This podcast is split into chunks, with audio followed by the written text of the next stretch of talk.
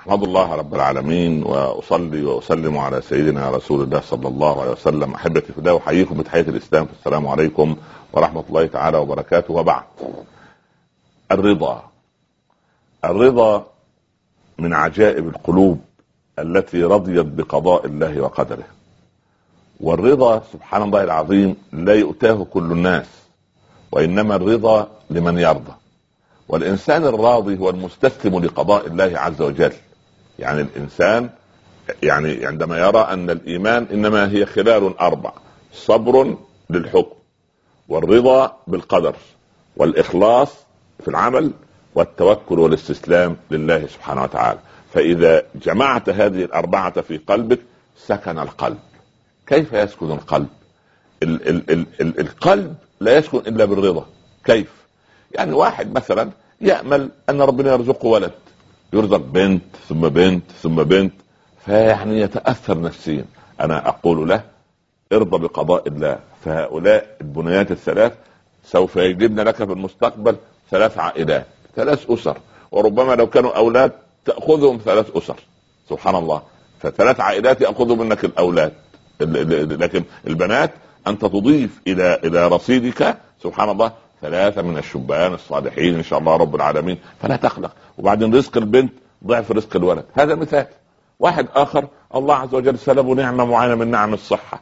مثلا قالوا لا الطبيب يقول له أنت الكوليسترول عندك عالي أنت مش عارف عندك مرض كذا أنت عندك الروماتويد أنت عندك القلب أنت عندك الكلى أنت عندك الكبد. يصبر لحكم الله. فإذا صبر أعطاه الله أعطاه الله إيه؟ هذه الرضا. ولذلك قالوا هذا الرضا. وإنما يقال إن الرضا هو أقصر طريق موصل إلى إلى إلى غاية إلى إلى الغاية وهي, وهي رضوان الله سبحانه وتعالى. لماذا؟ لأن الإنسان الذي لم يرضى.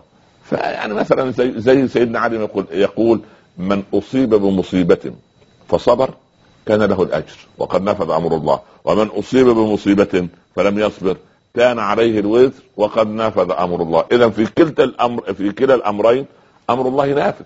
فاذا أنت عليك إيه؟ عليك عليك الصبر والصبر لا يأتي إلا عن طريق الإيه عن طريق الرضا طب الرضا كيف يجي؟ يعني كيف يأتي الرضا إلى الإنسان؟ الإنسان كله في لا الصغير راضي ولا الكبير راضي ولا الزوج راضي ولا الزوجة راضي يعني لو سألنا الناس في هذه الأيام المباركة هل أنت راض عن زوجتك؟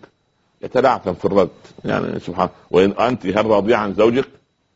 هل أولادنا عندما يذهبون إلى مخادعهم في النوم هل يمر على الأب والأم ويقبل رأس أمه ورأس أبيه ويد أمه ويد أبيه ويقول يا أبي هل أنت راض عني؟ يا أمي هل أنت راضي عني؟ هل قالت الزوجة هذا لزوجها قبل النوم؟ هل قال الزوج أيضا لزوجته؟ هل يعني لماذا هذا الكبر المتفشي في الصغير والكبير؟ بالعكس إن لم يرضى بعضنا عن بعض فكيف يرضى عنا رب العباد عز وجل؟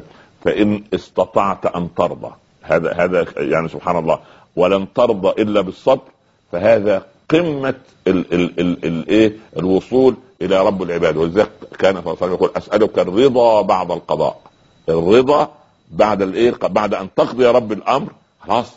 لأن الرضا قبل القضاء إنما هو عزم على الرضا نية لكن الرضا بعد القضاء هو الرضا الحقيقي. ليه؟ لأنه أرفع حالات الرضا أن ترضى بعد القضاء يعني بعد ما ينزل الأمر يموت لك عزيز تفقد مالا تفقد عملا تفقد امرا من الأمور. ولذلك لا يصح الرضا إلا بثلاث شروط. أن يكون الله عز وجل أحب الأشياء إلى العبد وأولى الأشياء بالتعظيم وأحق الأشياء بالطاعة. هذا هو الإيه؟ هذا مدار رحى الإسلام. ان ان أن ترضى ان أن يرضى العبد بعبادة ربه لا عبادة غيره. أن يسقط عبادة الغير أن أن أن أن أن, أن يبتعد عن عبادة الإيه؟ عن عبادة الدنيا. ثم إن علامة حب الله سبحانه كثرة الذكر والإخلاص في السر والعلن وعلامة الشكر الرضا بقدر الله والتسليم لقضائه. ولما قال لقمان لابنه أوصيك بخصال تقربك من الله وتباعدك من سخطه أن تعبد الله لا تشرك به شيئا. وأن ترضى بقضاء بقدر الله فيما أحببت وكرهت. يعني سواء أنت تكره لكن لا تدري أين الايه اين أين المصلحة. ومن يتوكل على الله ويرضى بقضاء الله فقد أقام الإيمان وفرغ يديه ورجليه لكسب الخير من الله سبحانه وتعالى. ولذلك العباد الصالحين هم الذين يرضون بقضاء الله. لكن كيف يدخل العبد مسألة الرضا إلى قلبه؟ وكيف يصل قلب العبد إلى هذه الم... إلى هذه الدرجة، الدرجة التي لا نراها في كثير من الناس، لماذا كان جدي وجدك في حالة من الرضا رغم قلة الإمكانيات وأنا وأنت رغم كثرة الإمكانيات؟ الرضا قد تبخر منا كثيرا من كان يدعو الصالحون. اللهم رضني بقضائك وبارك لي يا ربي في قدرك حتى لا أحب تعجيل شيء أخرته ولا تأخير شيء قد عجلته. يا رب العالمين آمين. والحمد لله رب العالمين. وصلى الله على سيدنا محمد وآله وصحبه وسلم. والسلام عليكم ورحمة الله تعالى وبركاته.